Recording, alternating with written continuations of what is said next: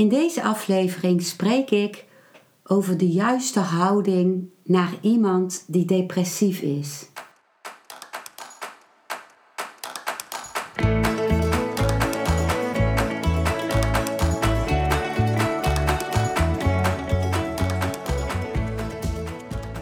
Welkom bij een nieuwe aflevering van Modita's podcast Van Pijn naar Zijn. De podcast waarin ik je meeneem voorbij de pijn in je leven naar wie je diep van binnen bent.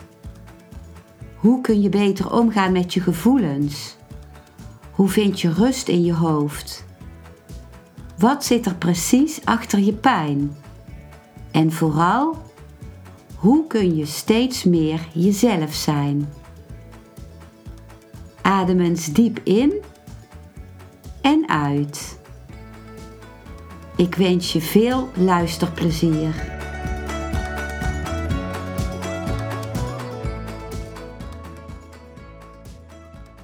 Voordat ik iets vertel over de juiste houding naar iemand die depressief is, vanuit mijn gezichtspunt, wil ik iets zeggen over rouw. In onze maatschappij wordt rouw heel vaak niet meer erkend en herkend. Als er iemand overleden is van wie je heel veel hebt gehouden, of je bent een, een baan verloren uh, die je heel graag uh, had, het werk dat je heel graag deed, of uh, je hebt ineens moeten verhuizen naar een andere plek, waarbij je de plek die jou zo geliefd was, achter hebt moeten laten of je bent uh, uh, door ziekte een heel stuk uh, verloren van de bewegingsvrijheid die je had, dan is er sprake, dan is er heel vaak sprake van rouw. Dan is er meestal sprake van rouw.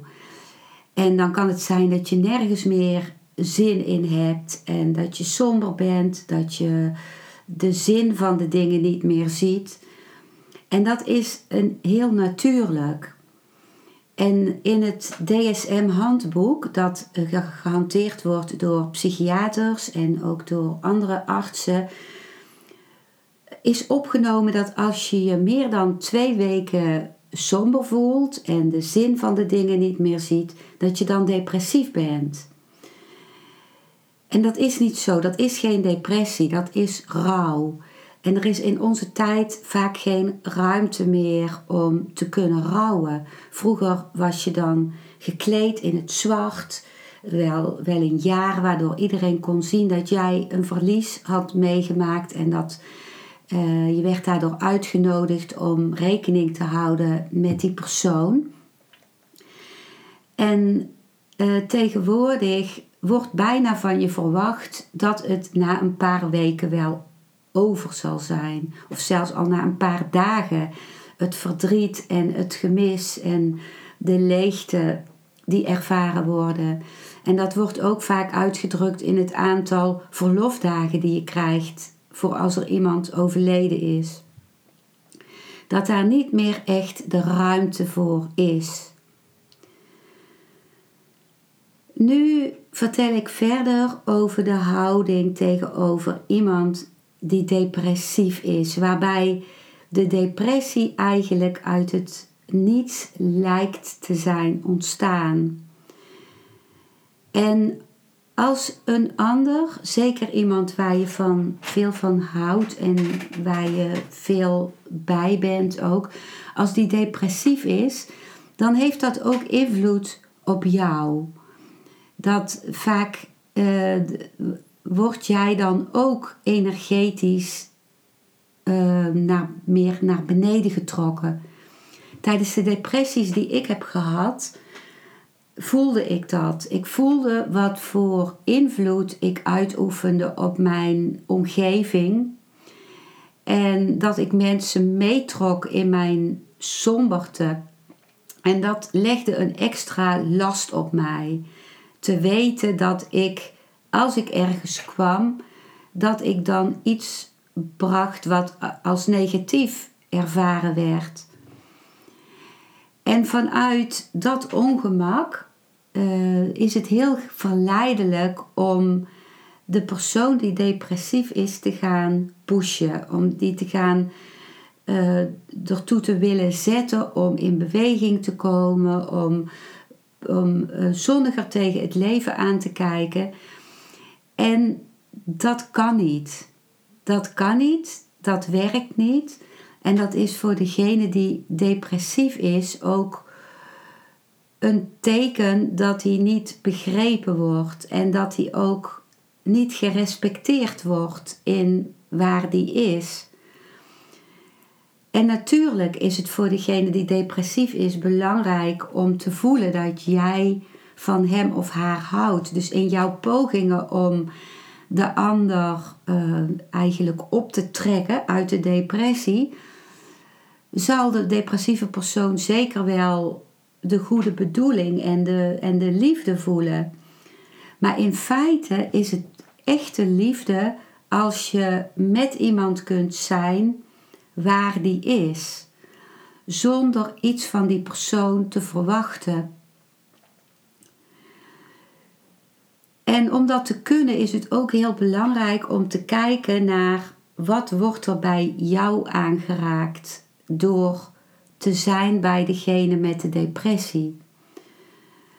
Wat wordt er bij jou aangeraakt? Is er een, bijvoorbeeld een somberte of een leegte in jou die aangeraakt wordt? Of een, een vraagteken bij ben ik nog wel zinvol bezig met mijn leven voor mijn gevoel? Dus het is de moeite waard om te onderzoeken wat maakt bij jou dat je die ander uit zijn of haar gemoedstoestand wil trekken. En als je, als je dat deelt met degene die depressief is, wat het met jou doet, als je dat eerlijk durft te delen en niet constant, want dat is natuurlijk belastend, maar Ehm, af en toe of één keer, wat het met jou doet, wat het bij jou oproept, dan sta je ook meer in een positie van gelijkwaardigheid naast die ander. En wat, wat ik heel belangrijk vond in mijn depressies, was dat ik er gewoon mocht zijn zoals ik was.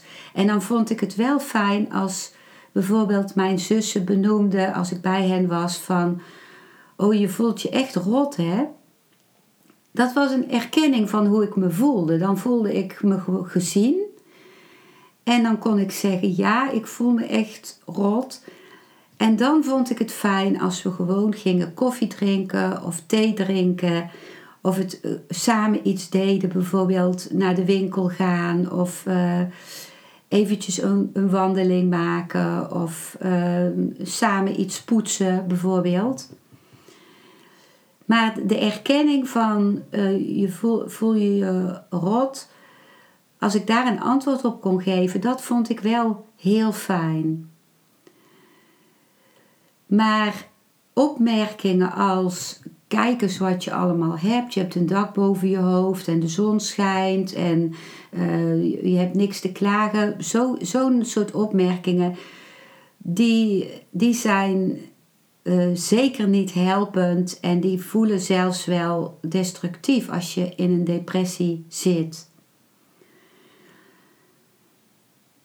En wat, uh, wat ik ook zie in familieopstellingen, die ik geef, is hoe helpend het is als iemand naast je staat.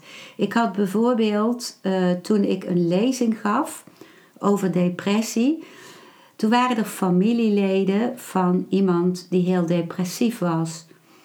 En ik was geraakt door hun liefde voor die persoon en door hun hun inzet om iets voor die persoon te willen doen, dat, dat ontroerde mij heel erg.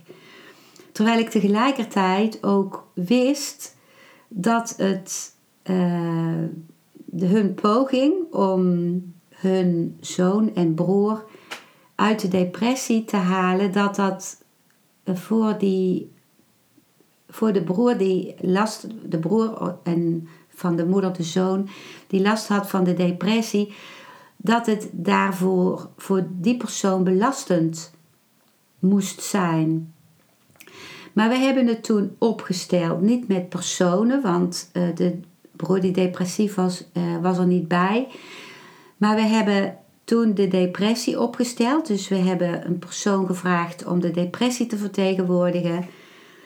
Een andere persoon vertegenwoordigde de mensen die wilden helpen om, uh, om uit de depressie te komen. En we hebben iemand opgesteld voor dat wat de depressie nodig had. En wat toen zichtbaar werd, was dat uh, als de personen die wilden helpen dichter bij de depressie kwamen, voelde de depressie zich nog wankeler en beklemd en een soort van gevangen. En als die personen die wilden helpen door de, door, uh, de depressie te willen bestrijden, als die verder weg gingen staan, dan kreeg de depressie ruimte om om zich heen te kijken, om op de eigen benen te staan en ruimte in het lichaam, de beklemming verdween. En, als de, en uh, de persoon die stond voor wat nodig was, die ging naast de depressie staan. En dat vond de depressie heel fijn. Dus het is belangrijk om naast iemand te staan. En daarvoor wordt veel van jou, van jou als naaste gevraagd. Er wordt van je gevraagd dat jij bij jezelf kunt blijven, dat jij in jezelf kunt staan, dat jij in jezelf kunt rusten en de verantwoordelijkheid neemt om voor jouzelf te zorgen. Want vaak is het ook zo dat als je iemand helpt of wil helpen, uh, in de zin van de depressie weg willen nemen, dat je je dan ook nodig voelt. En dat geeft je een soort identiteit of, of kracht of waardigheid. Maar de vraag om jezelf te stellen is: wat is het in mij dat ik, dat ik het nodig heb om nodig te zijn? En om dan te voelen het verschil met als je er gewoon bent voor die ander. En een hele ehm, mooie oefening daarvoor heb ik ontvangen van Bert Hellinger, de grondlegger van familieopstellingen. En dat is dat je je voorstelt dat jij naast degene staat die depressief is. En jij kijkt naar een groot licht aan de horizon, jouw levenslicht. En je stelt je voor dat degene die depressief is, dat die ook naar de horizon kijkt, naar zijn of haar licht aan de horizon. En zodra jij merkt dat je naar het licht van de ander wil gaan kijken, fluit je jezelf terug. En kijk je weer naar jouw licht aan de horizon. Wetende dat degene die naast jou staat, kijkt naar zijn of haar licht aan de horizon. Het is belangrijk als iemand depressief is om te geloven in de kracht van de ander, in de zelfs waar die ander uh, de kracht niet voelt op dat moment. Om te geloven in de, de lotsbestemming ook van die ander, dat die depressie een betekenis heeft voor die persoon. Ik schrijf daar ook over in mijn boek Depressie, een opstap naar geluk, waarvan je de link vindt in de beschrijving onder deze aflevering. En het is belangrijk om ook te respecteren als de ander er, dat is altijd onbewust, onbewust voor kiest om nog dieper te gaan. En het kan dus zijn dat die persoon dat nodig heeft. Ik heb dat zelf achteraf, kan ik zien dat ik in mijn laatste depressie, die wel 2,5 jaar heeft geduurd, dat ik die nodig heb gehad om nog dieper te gaan. Nog dieper naar het zwart, nog dieper naar de bodem. Om echt te gaan voelen wat, wat de wortels waren die ik nodig had om te kunnen leven. En als iemand mij dan, als dat überhaupt al gekund had, want dat, dat kan in de eerste plaats al niet, maar als iemand uh, het gekund had om mij uit die depressie te trekken voordat ik op die bodem was gekomen, dan had die ander iets waardevols van mij afgenomen. En om dit te illustreren lees ik een stuk voor van het hoofdstuk van een hoofdstuk uit mijn boek Depressie, een opstap naar geluk. Het is hoofdstuk 19 en dat hoofdstuk heet Luisteren naar je ziel. En dan lees ik eerst een stukje voor van Pamela Kribbe. Pamela Kribbe is een schrijfster, die heeft het boek geschreven, onder andere het boek geschreven Nacht van de Ziel. En daarin beschrijft zij ook hoe zij, zij werkte als therapeute en ze had een, een praktijk samen met haar man. Um, heeft dat nog steeds bij mijn weten. En hoe zij een zo diepe depressie inging, waarbij ze zelfs uh, gedwongen opgenomen moest worden. En toen heeft zij gevoeld hoe dat uiteindelijk klopte bij wat zij uh, zich als opdracht had gesteld in dit leven vanuit haar ziel. Dus mijn hoofdstuk begint met een stukje van Pamela Kribbe. Bijna iedereen verzet zich tegen grote verlies- of pijnervaringen. Je kunt dan vaak alleen via een nacht van de ziel herboren worden en het leven opnieuw en anders gaan beleven. Gedurende de nacht worden je angst, je wantrouwen of je bitterheid ten volle uitvergroot. Dit biedt je de kans deze gemoedstoestanden ten volle te doorgronden en er zo diep in weg te zinken dat je op een gegeven moment besluit dat het ondraaglijk is en het anders moet. Uiteindelijk kom je eruit. Uiteindelijk buigt het zich verzettende deel in jou voor iets wat groter is dan zichzelf. Het gaat openstaan voor liefde. Dat waren de woorden van Pamela Kribbe. Dan volgt het subhoofdstukje Depressie, een boodschap van de ziel. De psychiatrie gaat er vaak niet van uit dat depressie ons iets te vertellen heeft. Dat er een boodschap aan ten grondslag ligt. De boodschap van onze ziel. De ziel nodigt ons uit om de schaduwzijden die we het liefst verdrongen hebben te zien en te integreren in ons leven, zodat we compleet kunnen zijn en niets meer hoeven te verdringen. Pamela Kribbe beschrijft in haar boek Nacht van de Ziel de diepere betekenis van depressie vanuit het perspectief van de ziel. Zij schrijft: Gedurende dit leven en de vele levens daarvoor heb je veel pijn en teleurstellingen meegemaakt. Wat op zielsniveau een diep nee tegenover het leven gecreëerd kan hebben. Daarvan ben je je vaak niet bewust. Je hebt op vele manieren, in je werk, in je gezinsleven, met vrienden, geprobeerd afleiding te zoeken van dit nee en van de diepe wanhoop en uitzichtloosheid die hiermee gepaard gaan. De ziel echter vraagt om deze diep verborgen gevoelens onder ogen te komen, om ze aan te kijken en tot in de wortels te doorvoelen. Alleen dan kan een transformatie optreden en kunnen de negatieve gevoelens omgebogen worden in licht en levenskracht. In Amerika is hit the rock bottom een bekende uitdrukking. Ga tot de grond, tot het diepste van de afgrond. Alleen dan kun je je van daaruit afzetten, richting leven en positiviteit. Dat waren de woorden van Pamela Kribbe.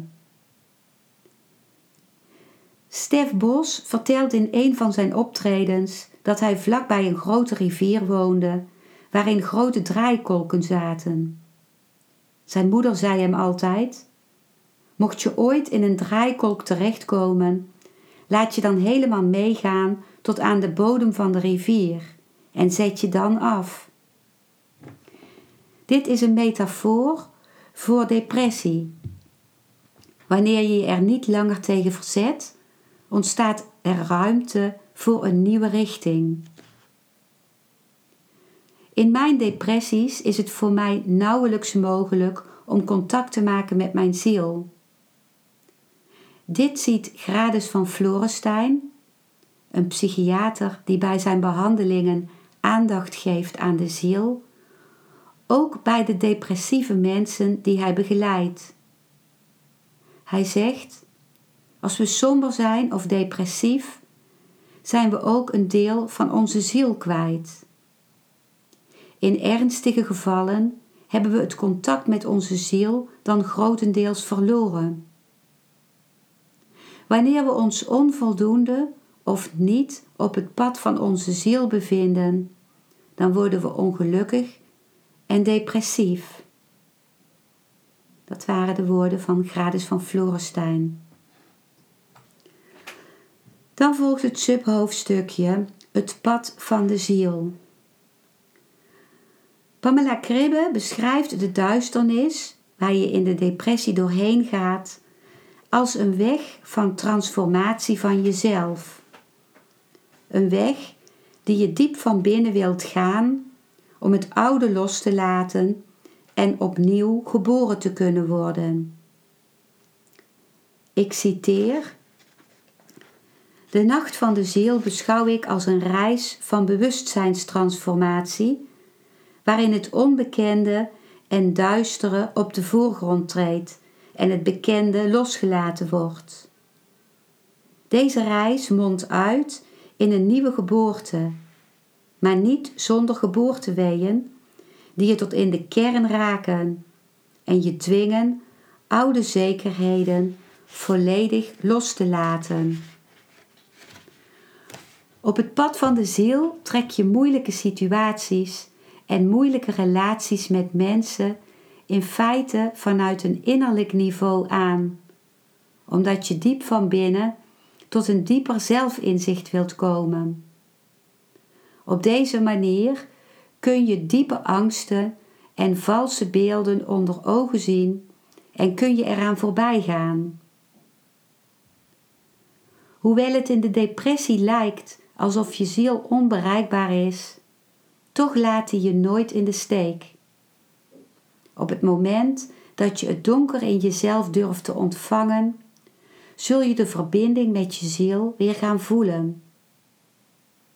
Door je omgeving word je vaak gemaand om sterk te zijn, je tanden op elkaar te zetten en op de oude voet door te gaan.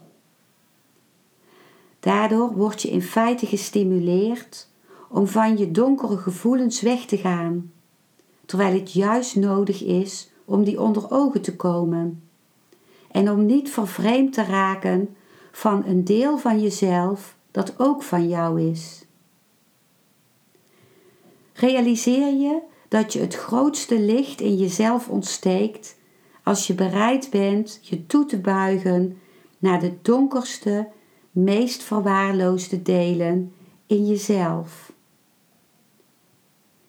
Dat was weer een stukje van Pamela Kribbe uit het boek Nacht van de Ziel.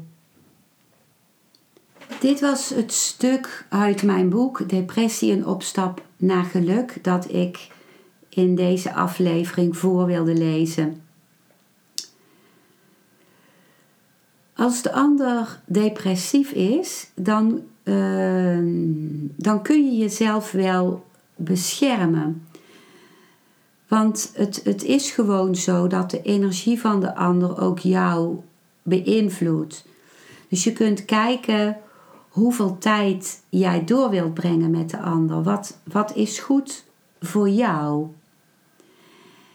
En daarnaast is het belangrijk om ook jouw eigen dingen te doen. En om je niet schuldig te voelen als jij ehm, jouw energie gebruikt uh, om uh, dingen te doen die jij fijn vindt. En om je ook niet schuldig te voelen als jij volop je leven kunt leiden op dit moment. Dat kan ook weer gaan gebeuren in het leven van die ander uh, uiteindelijk. En het is ook um, belangrijk om van tijd tot tijd ook te delen hoe het voor jou is. Dat zei ik al in het begin van deze aflevering.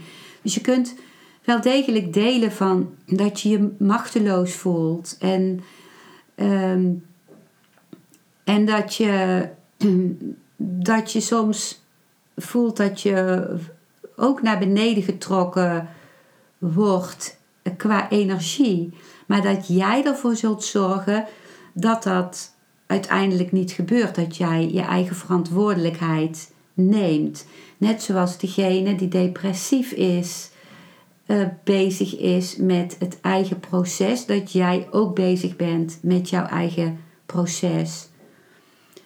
En wat eerlijk zijn betreft, had ik er ook iets aan dat, uh, dat mijn, een van mijn zussen soms echt woedend werd. Ik kan me zo goed herinneren, één moment waarop dat gebeurde, dat ze echt oprecht woedend werd. Zij had iets gezegd en zoals ik gewend was in mijn depressie, was dat ik dat ehm, meteen helemaal op mezelf betrok en me dan helemaal slachtoffer ging voelen. Omdat zij dan iets had gezegd wat in mijn ogen verkeerd was, waardoor ik me aangevallen voelde of bekritiseerd voelde. En toen werd ze heel woedend. Toen zei ze: Heb ik weer iets verkeerd gezegd? Je zult niemand kan jou helemaal begrijpen. Geen mens. Ehm, geen ander mens kan jou helemaal begrijpen. Dat kun je alleen zelf. En je zult altijd wel iets vinden wat verkeerd is. En ik voelde dat zij met die woede mij iets heel puurs gaf. Dat ze me in de eerste plaats uh, als gelijkwaardig zag dat ze me respecteerde, dat ze me niet als, als een of ander zwak persoon zag op wie je niet woedend kon worden. En dat ze ook echt zichzelf deelde in iets waar ze gewoon genoeg van had, wat ze spuugzat was. En ik wist dat ze gelijk had. Het, het gaf mij ook iets. Ik dacht, oh ja, dit doe ik. Ik, ik zit gewoon op elk woord te letten en ehm, ik verwacht dat de ander het helemaal perfect zal zien en zeggen. En ik projecteer ook wel de ouderrol op haar. En uh, inderdaad, geen mens kan mij helemaal begrijpen. Dat is iets onmogelijks om te verwachten. En het is dus, zij uh, zij bracht mij weer bij mijn eigen verantwoordelijkheid. En het is belangrijk ook om degene die depressief is ook te herinneren aan de eigen verantwoordelijkheid. Het is zijn of haar leven waar dit gebeurt en waar die ander ook verantwoordelijk voor is. Ook al zijn er omstandigheden geweest in het leven waar je geen invloed op had, je, je, je antwoord daarop is van jou zonder daarmee te zeggen dat iemand schuldig is. En degene die dat ook deed, voor mij, mij, mij wees op mijn eigen verantwoordelijkheid, daar schrijf ik ook over in mijn boek Depressie en opstap naar geluk. Dat was de Japanse kunstenares Mira Hashimoto. Ik was ehm, naar Spanje gegaan om na een hele lange therapie bij de GGZ waarbij ik voelde dat ik nog steeds niet helemaal uit mijn depressies kwam. ging ik naar Spanje omdat zij daar weer een training gaf, schilderen als therapie. En daar had ik in het verleden heel veel aan gehad. Ik had die training ook gedaan in India, in het Osho Meditatiecentrum. en ik had heel vaak geassisteerd ook in deze training. Maar nu had ze me gezegd, als je eh, de training wil doen, kun je niet assisteren, want je bent uh, zelf niet in een, in een uh, emotionele goede staat van zijn daarvoor. Maar je kunt wel deelnemen weer als, deel, de, als deelnemer van de training. En toen uh, ben ik daar met heel veel pijn en moeite in Spanje gekomen. Want dat is heel moeilijk als je depressief bent om, om dan zo'n reis te maken. En toen zat ik in de deelcirkel waarbij we elkaar, ons voorstelden aan elkaar. En ik zei, ik ben heel depressief en ik, ben, ik zit in een totaal sociaal isolement. Behalve mijn zussen heb ik met niemand meer contact. En toen keek ze naar mij en ik wist dat ze van me hield. En ze keek naar mij en toen zei ze: Kijk maar eens hoe je dat doet. Hoe jij ervoor zorgt dat je anderen van je afschrikt. En dat was echt een zensteek. Alsof er iemand met zo'n zo'n stokje op mijn hoofd sloeg. En ik voelde van. Uh, ja, ik, ik moet inderdaad zelf gaan kijken. Nu heb ik in deze groep van 25 mensen, waar ik drie weken in ben, de kans om te gaan zien wat ik doe. En toen ging ik uh, allerlei dingen zien, waarin ik ook over, uh, in mijn boek over schrijf. Ik ging zien hoe ik dacht dat de ander uh, er helemaal voor mij moest zijn. Ik ging zien dat als iemand naar mij glimlachte, dat dat niet voldoende was. Dat ik dan ook wilde dat de ander ook nog naar me toe kwam. Terwijl de ander gewoon van A naar B aan het lopen was. En kon ik die glimlach niet ontvangen. Ik dacht dat ik de enige was die, uh, die leed. En dat anderen alleen maar gelukkig waren. Ik, ik verwachtte dat anderen naar mij vroegen. En ik vroeg niet naar een ander. En zo zag ik heel veel dingen. En ik begon dat anders te doen. En op het eind van de training, ik ben echt in die training uit mijn depressies gekomen, definitief. Ook dankzij een familieopstelling. Ook daar schrijf ik over in mijn boek. En ik, uh, op het eind van de training gingen mensen graag met mij om. Dus dat was uiteindelijk dat iemand heel eerlijk naar mij was, was heel helpend voor mij. Dit was wat ik op dit moment wilde zeggen over de juiste houding naar iemand die depressief is. En uh, mocht je daar aanvullingen op hebben of eigen ervaringen of uh, misschien ook bepaalde dingen anders zien, dan sta ik daar open voor. In de beschrijving onder deze aflevering vind je mijn uh, gegevens. Ik wens je als je naast iemand staat die depressief is, heel veel goed in het contact met elkaar. Dankjewel voor het luisteren naar deze aflevering. Ik hoop dat hij je een nieuw inzicht of perspectief heeft gegeven. Ik hou van interactie, dus als je iets wilt delen, Stuur me dan een mailtje op info.genietenvanmeditatie.nl. Ik geef je dan altijd antwoord. Ik wens jou dat je vreugde in het dagelijks leven zult ervaren en innerlijke rust. En dat je steeds meer je pijn zult kunnen omvormen in zijn.